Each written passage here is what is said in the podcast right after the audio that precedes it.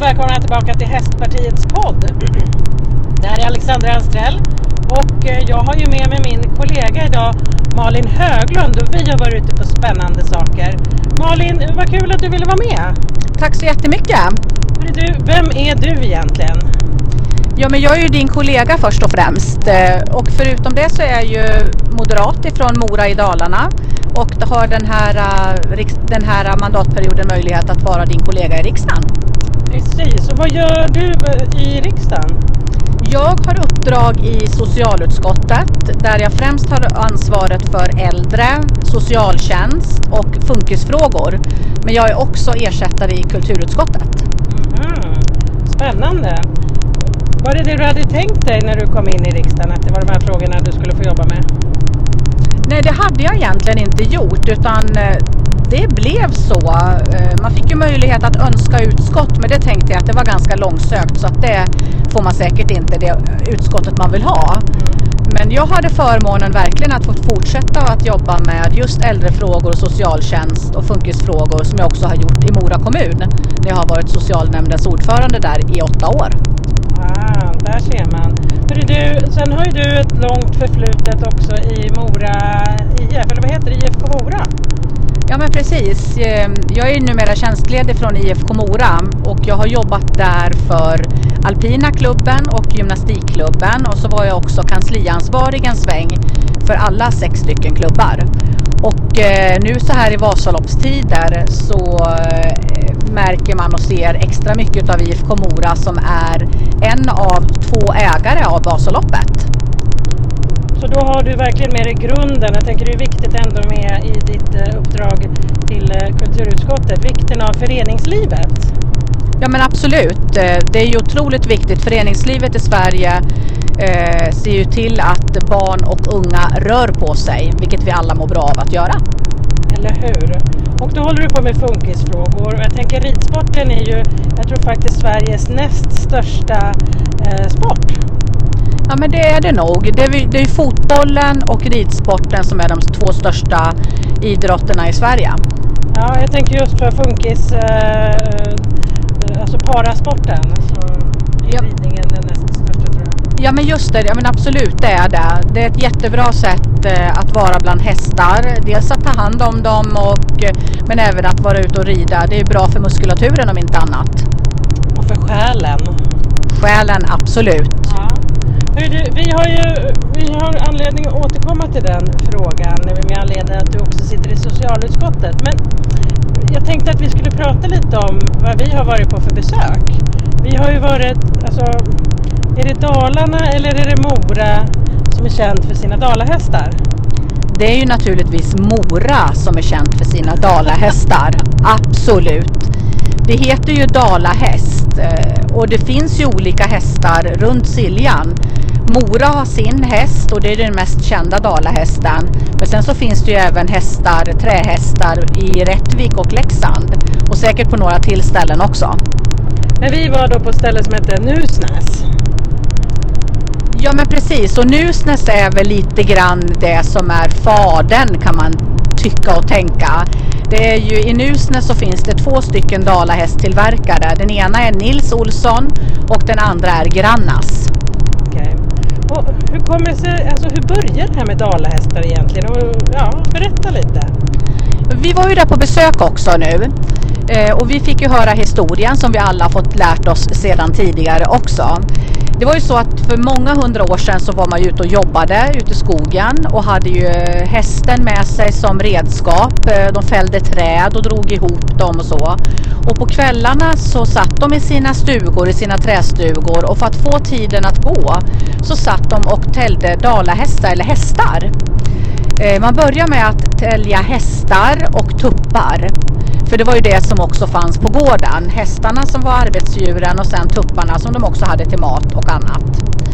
Eh, Och sen blev det så att eh, människor som gick förbi tog med sig de här och sålde dem sen vidare. Och barnen eh, satt ju också och eh, målade på dem. Och sen så blev det väl eh, så att man eh, gjorde den första dalahästen. Helt enkelt. Och nu är det eh, egentligen en, eh, en av de viktigaste symbolerna kanske för Sverige utomlands. Ja men det tycker jag, det är ju en av de viktigaste eh, symbolerna. Man ser ju det att det är en dalahäst och då vänder man och tittar vad som står på magen. Och oftast så står det ju Nils Olsson i Nusnäs i Sverige på dem. Så det står alltså under magen på varenda dalahäst? Ja, det är ett litet klistermärke som sitter. Men du, när vi var där nu så var det ju en mängd olika färger. Finns det liksom någon regel för vad det ska vara för färg och sådär? Ja men ursprungsfärgen den vet ju alla att den är ju röd och sen så finns det ju olika kurbitsmålningar på den här hästen. Eh, det kan vara mer av grönt eller blått på den, i den här kurbitsen till exempel. Och det är nog mera efter tycke och smak och vem som har målat.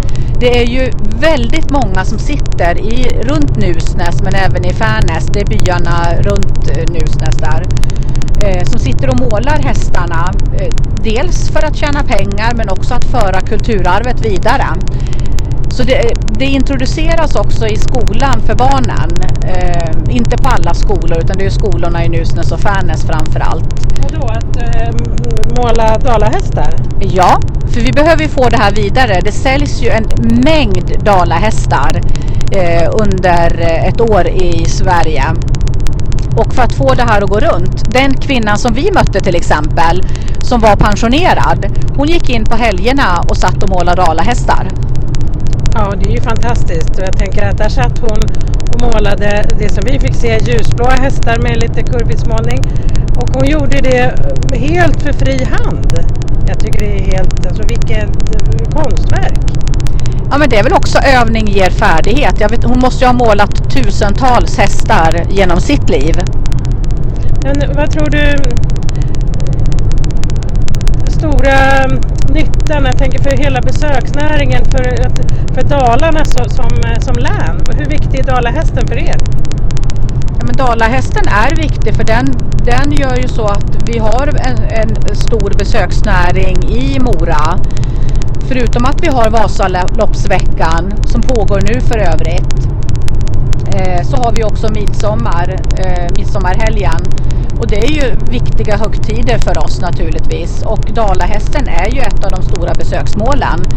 Vi fick ju också gå igenom fabriken och titta där hur de gjorde. Allt ifrån att de började doppa hästarna, satte upp dem på tork eh, och lackade och sen gick det ju vidare. Nej, de lackade efter målningen, men de gick vidare sen för målning eh, och sen lackning också. Och det fanns ju då en mängd olika färger som vi såg.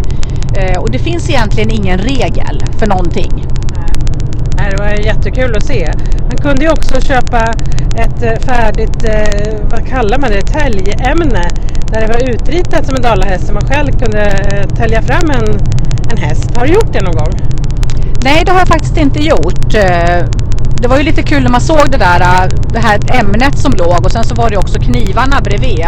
Så hängde det också plåster där och sen så stod det ju att det var väldigt vassa knivar. nej men jag har aldrig tält någon dalahäst. Har du?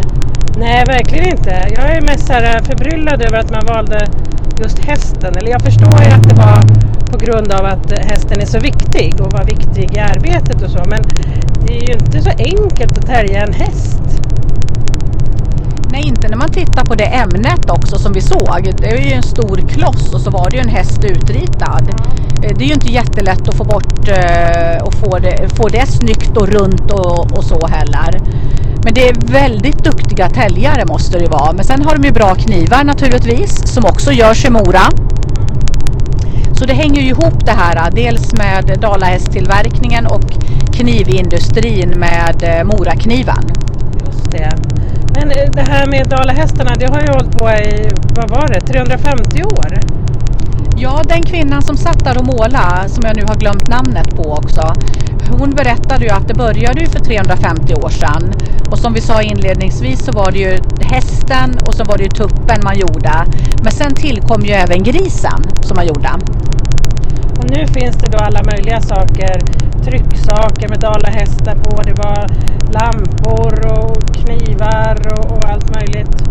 Det här måste ju verkligen vara en stor industri, inte bara i Nusnäs utan eh, tittar man på, på affärerna i Gamla stan till exempel nära riksdagen så är det ju väldigt många saker med dalahästar på. Ja men det är precis som du säger, det är ju en nationalsymbol för Sverige. Det är ju dalahästen har blivit. Ja, det är fantastiskt. Men jag tänker, du jobbar ju, eller jobbar, du har ju också ibland uppdrag som vigselförrättare och då har jag sett att du har en sån här hembygdsdräkt på dig. Tror du att det är, alltså, är Dalarna lite extra, eh, vad säger man, eh, har, har lite extra förkärlek till kulturen kring eh, sin hembygd och så? Ja men absolut, visst är det så. Eh, det är ju en moradräkt som jag har som min mamma har sytt till mig när jag skulle konfirmera mig. Så den är ju gammal och har visserligen behövt tagits ut ett antal gånger sen jag fick den som 14-åring. Men jag använder den fortfarande. Och precis som du sa vid vigselsammanhang men även på midsommar kan jag också använda den. Eller vid begravningar eller andra högtider också. Man känner sig alltid klädd i en, eh, i en dräkt också. Och eh, fast det är så pass mycket tyger och eh, svart kjol så känner man inte att den är varm. Inte heller under sommaren fast det är varmt ute. Det är ju suveränt bra. Men du, det var något annat som utmärkte bygden när vi var i Nusnäs. Vi fick ju se en lång båt. Vad var det för båt? Ja just det, var kyrkbåtarna ja. Eh, kyrkbåtarna har ju också sin tradition från tidigare när man bodde, vi har ju en ö till exempel i Siljan som heter Sollerön. Och eh, bodde man eh, utanför ön så kunde man ju inte ta sig dit förutom med båt. Och man tog ju båten också för att ta sig till olika ställen. Men det här var i alla fall långa kyrkbåtar. Och det har vi nu som en, eh, en, eh, en tävling. Det pågår under sommaren. Under några veckor så är det kyrkbåtsrodd och då sitter det också roddare i och det finns både tjejlag och killag. Eh, och det, de är otroligt duktiga och samspelta så det är jätteroligt att titta på. Hur många kan det sitta i en sån där på ett ungefär? Ja, men det måste nog sitta en 12 personer minst eh, räknar vi ut igår. Som ska ro i takt. Precis, ro i takt och så sitter det ju någon i fören där också och håller takten naturligtvis. Och det här är ju, har ju blivit en, eh, de tävlar ju mellan byarna vilken båt det är som är bäst helt enkelt också. Jag tänker gå tillbaka lite grann på det här med bygden och kulturen och lite så. Eh, Andersson är ju en utav dem som har gjort också att vi har behållit Moradräkten. Han var väldigt noga med det och hade själv också dräkt. Eh, och var väldigt noga med att kulturbyggnader skulle sparas och bevaras. Kan du inte berätta för de som lyssnar, vem eh, var Anders son? Andersson var en stor konstnär eh, ifrån Mora. Som, eh, han och hans hustru Emma. Eh, Emma kom från en fin familj i Stockholm. Eh, och de var väl inte jätteglada åt att, åt att hon träffade honom som var som en bondpojke nästan. Men han tjänade otroligt mycket pengar på sin konst. Han var borta i USA och målade under många, många år. Åkte också till Asien. Han åkte över hela världen och målade. Eh, bland annat presidenter har han målat. Och han var väldigt noga med att behålla, eh, behålla kulturen men ändå ha det moder- modernt. Så Anders son var en av de första i Mora som faktiskt hade telefon. Det andra som skaffade en telefon det var ett konditori. Så då kunde han ringa och beställa kakor. Helt enkelt så ja. Men tittar man i hans hus så är det väldigt smarta lösningar som han hade. Man skulle, idag skulle man kunna säga att det är IKEA-lösningar. Smarta saker för att kunna hålla familjen, att det var trevnad men också för alla dessa gäster som bodde hos dem. Och en gäst bodde inte bara en natt eller två utan de stannade veckovis. Hade han några hästar? Han hade hästar också. Eh, det hade han utanför där. Man har ju också bevarat Anders sons hem. Så dit kan man också göra ett besök. Förutom att man åker till Nils Olsson eller Grannas i Nusnäs. Mm, det finns mycket att eh, göra på en resa till Dalarna helt enkelt. Absolut. Men du, förutom nu att vi har varit i Nusnäs och tittat på dalahästtillverkning eh, så är du ju också då ordinarie ledamot i socialutskottet. Och då tänker jag, många pratar ju om vikten av häst, alltså hästens betydelse för hälsan. Både för folkhälsan eh, men också för många eh, som lider av psykisk ohälsa eller behöver någon form av psykisk eller fysisk rehab. Är det några frågor som man jobbar kring i, på riksdagsnivå i socialutskottet? Eh, jag skulle inte säga att det ligger där, men framförallt så ligger det ju i kommunerna. Där ligger det ju, den delen.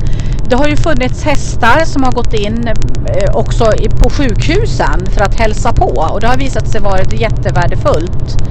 Eh, små hästar och mellanstora hästar. Men också på äldreboenden, på särskilda boenden för äldre och för, på andra vård och omsorgsboende eller trygghetsboenden så har ju hästar besökt och det vet vi ju alla när en äldre person får träffa ett djur så är det mycket minnen som kommer tillbaka. Eh, och minnen är ju bra att prata om för att komma ihåg saker också. Eh, det finns på ett eh, trygghets... Nej, det var ett särskilt boende, förlåt, i Mora som eh, drivs i privat regi. Alltså inte i kommunal regi. De är otroligt påhittiga och de boende där fick för några år sedan åka med häst och släde på sjön på vintern. Det tycker jag är maffigt. Ja, verkligen. Ja, jag har ju intervjuat hon som driver Instagramkontot Sjukhushästen det tänker jag att det måste ju alla bara följa för det är ju så fantastiskt att se när hon tar med sig sin lilla, jag tror han heter Snowball, mm. en liten vit eh, ponny och hälsar på både på äldreboende men också eh, väldigt många barn som är eh, riktigt, riktigt sjuka. De kan vara i, i livets slutskede till exempel. Så det är ju en fantastisk verksamhet. Jag tänker även då när man eh, har eh, behov att kanske mer kontinuerligt få någon form av rehab mm. om man har haft en stroke eller eh, någonting annat. Det jobbas ju väldigt olika kring det här i både kommuner och regioner. Mm. Har du något tips på liksom hur man ska kunna göra för att liksom stärka upp det här? Hur ska man få det liksom mer, vad ska man säga, inom situationstecken legitimt? Mm. Nej men jag tror att eh jag tror att där, den verksamheten är väldigt bra. Vi pratade om det tidigare också, just för alla muskler i kroppen. Eh, efter en stroke eh, exempelvis. Här har ju också ridskolor varit bättre eller sämre. Ja, de flesta har ju varit duktiga på det här, inte bättre eller sämre. Men en del har varit bättre än andra. Se till till exempel att få pengar för en lyft. Så att man kan lyfta på en person som har svårt att kunna liksom själv ta sig upp på en häst. Det är ju inte det lättaste Alexandra egentligen, att ta sig upp på en häst. Nej, verkligen inte. Eh, men då att få den här hjälpen med en lyft till exempel. Eh, eller att man bygger någonting som det är en trappa upp till så att det är lättare att gå över. Eh, det har ju varit en framgång och sånt, en lyft har vi bland annat i Mora på ridklubben. Men jag tror att det här är väldigt bra men också att kommuner går ihop eh, med, eh, med eh, en sån här verksamhet. Visst, det är några som kanske får åka men att varje ridskola har en verksamhet, det kanske är för mycket att begära också. Men dels med, med strokepatienter men sen också andra muskelsjukdomar så har det visat sig att ridning är otroligt bra för man tränar muskler som man inte annars kommer åt med vanlig rehab. Ja, det kan vi verkligen se. Det finns ju också ett gäng företag runt om i Sverige som jobbar just med hästunderstödda insatser och eh, där eh, försöker man jobba tillsammans över landet för att det är så olika i, i olika kommuner och regioner. Det bästa vore ju om man skulle kunna på, på något vis få möjlighet till eh, att en läkare kan förskriva en form av rehab till exempel med hästrustade insatser. Tror du att det skulle vara möjligt att få något mer så nationellt påbud i en sån fråga? Det som finns idag så har vi ju fysisk aktivitet på recept. Men det är väl mera vad jag tror också till idrottsdelar. Men det är ju inte omöjligt heller att, för jag menar ridsporten ingår inom idrotten mm. också. Jag vet inte om det är någon som har prövat den delen men det är ju någonting som verkligen vi kan undersöka. Och så kanske det kan bli nästa podd för dig också. Ja, nej men vi har faktiskt tittat på en del sådana och det eh, finns ju verkligen potential, det finns en vilja och alla som håller på med hästar vet ju hur, hur bra man mår med att hålla på med hästar. Men på något vis så känns det som att alla inte riktigt tycker att det är, det är eh, legitimt som en rehabform. Det behöver vi verkligen jobba mer med. Så jag kommer terra dig kanske lite i de här frågorna framöver. Med anledning av att Dalahästarna finns just i Mora? Precis, och med anledning av att du sitter både i kulturutskottet och socialutskottet. ja men absolut. Ja, men jag, tror att, ja, men jag tror att det är jätteviktigt och jag menar ju längre man kan hålla sig eh, hålla igång så mår man ju också bättre. Jag träffade en kvinna som hade en, eh, en muskelsjukdom och eh, då skulle de dra ner på tiden de skulle få vara på ridklubben och ha, ha sina stunder där med hästarna. Och hon tyckte det var jättejobbigt för hon märkte ju också då att hon blev mycket sämre om inte hon fick hålla igång och rida. Och hon sa att ja, men det, det ska ju pusslas med allting med olika barngrupper och sånt och då vart de lite undanskuffade den här gruppen. Men jag tror att det är otroligt viktigt. Verkligen. Jag träffade ju också, eh, vi har ju eh, en mästarinna i Sverige som heter Ulla Håkansson. Hon har ju fyllt 85 tror jag det var när jag eh, intervjuade henne. Hon red ju fortfarande sina hästar varje dag och hon tävlade ju också på Falsterbo Horse Show i somras i den åldern. Alltså hon var ju också beroende av att faktiskt få ha, hålla igång sin kropp. Att det ska funka. Så det är verkligen häftigt. Ja, om, det är, om det är ridning eller om det är skidåkning eller någonting annat så är det ju ändå viktigt att hålla igång. Verkligen. Men du, du, en fråga som du och jag också har pratat mycket om. Det var länge sedan vi pratade om den nu, men det är ju det här med att ha olika idrottsgymnasier. Ja, men just ja. Just ja.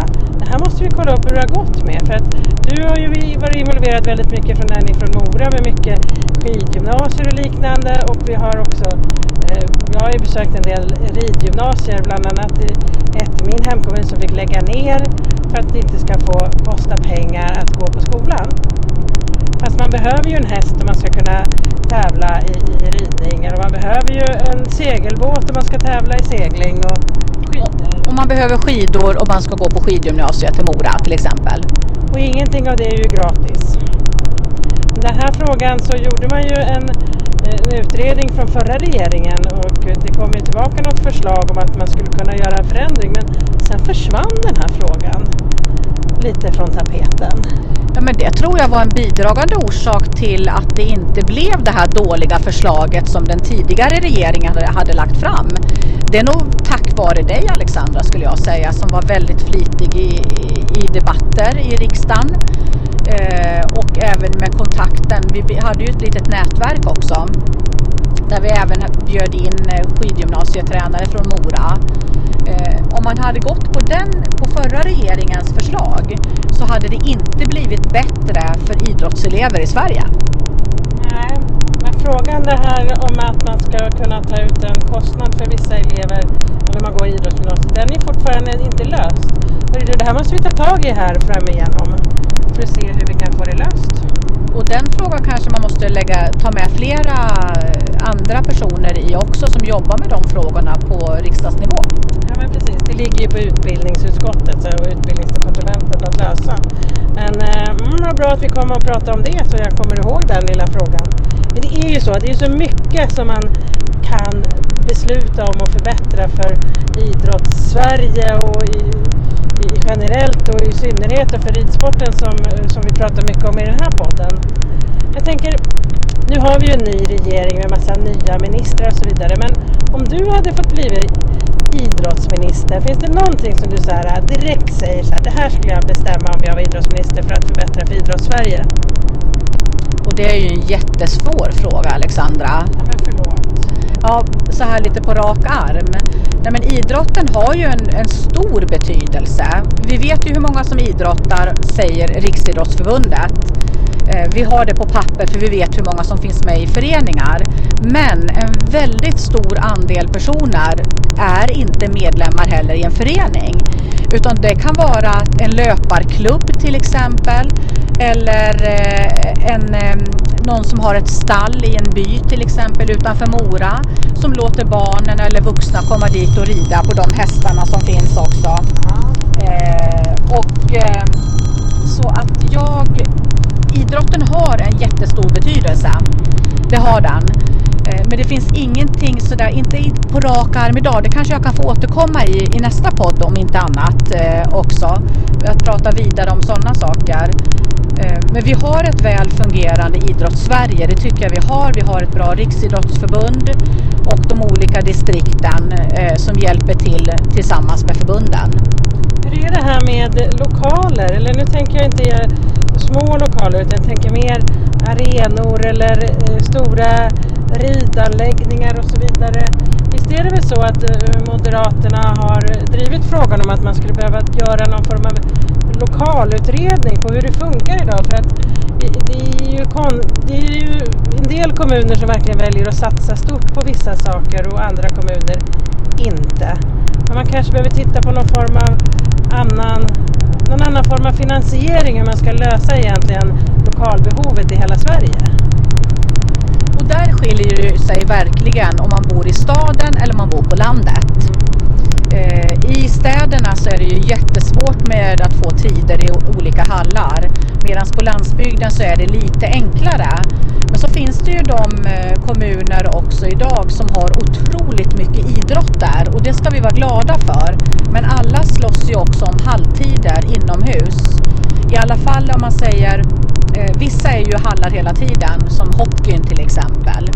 Eh, eller ridningen, de kan både vara i ett ridhus men också utanför. Men tittar man sen på fotbollen, gymnastiken, innebandyn, brottning och annat, de slåss ju lite grann om samma lokaler. Men det är, det är en svår nöt att knäcka, absolut. Eh, det är inte jätteenkelt eh, med hallarna, men vi ska vara glada över att så många människor rör på sig. Verkligen. Ligger folkhälsofrågan i socialutskottet eller ligger den i kulturutskottet eller ligger den någon annanstans? Folkhälsofrågan ligger i, eh, i socialutskottet och det är Thomas Ragnarsson som ansvarar för de frågorna. Och jag är hans medhjälpare där. Fantastiskt. Har du några senaste liksom, statistik eller trender på liksom, hur folkhälsan ser ut i Sverige? Eh, man kan titta på på olika statistik så har ju Riksidrottsförbundet väldigt bra statistik. Under många år så pratar man om att eh, idrotten pikar ungefär vid 10 års ålder för barn. Men glädjande nog nu så ser vi att siffran är på 12 år. Och det är ju ändå någonting att vara glad över med tanke på pandemin ändå. För det har vi också hört att många har slutat med sin idrott eh, under de här åren. Men det har gått upp två år. Och det tycker jag vi ska vara glada i och hoppas att det också hänger i. Men mår svenskarna generellt bra? Eller jag tänker, man läser ju skräckrapporter om framförallt barn och ungas psykiska ohälsa. Hur ser det ut där? Hur mår vi egentligen?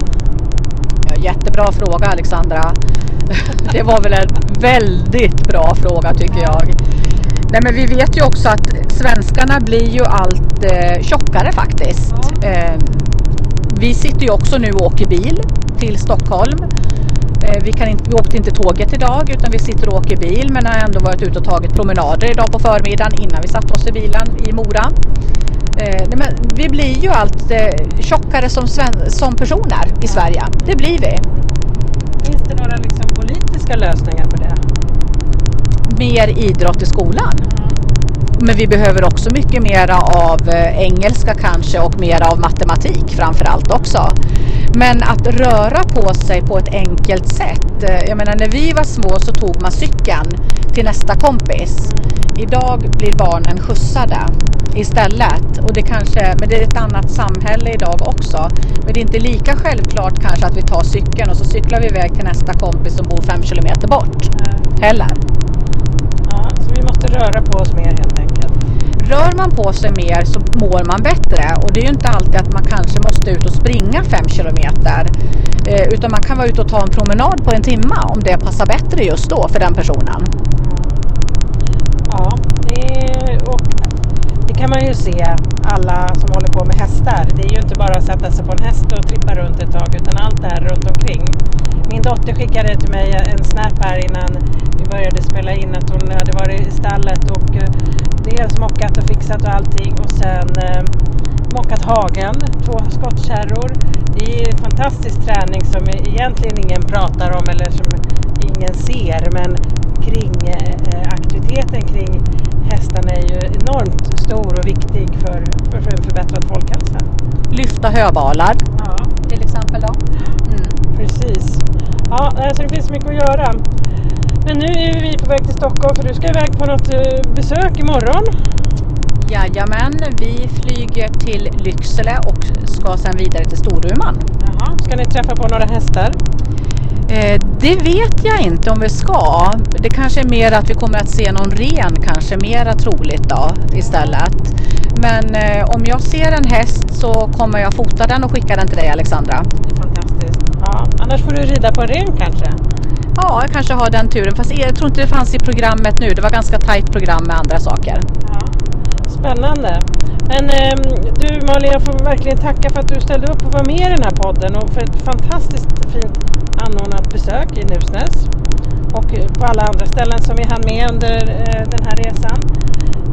Och eh, så får jag önska dig välkommen tillbaka när vi ska prata hästar ur något annat perspektiv helt enkelt.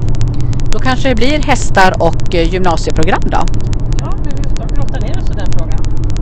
Tack för idag! Tack för idag!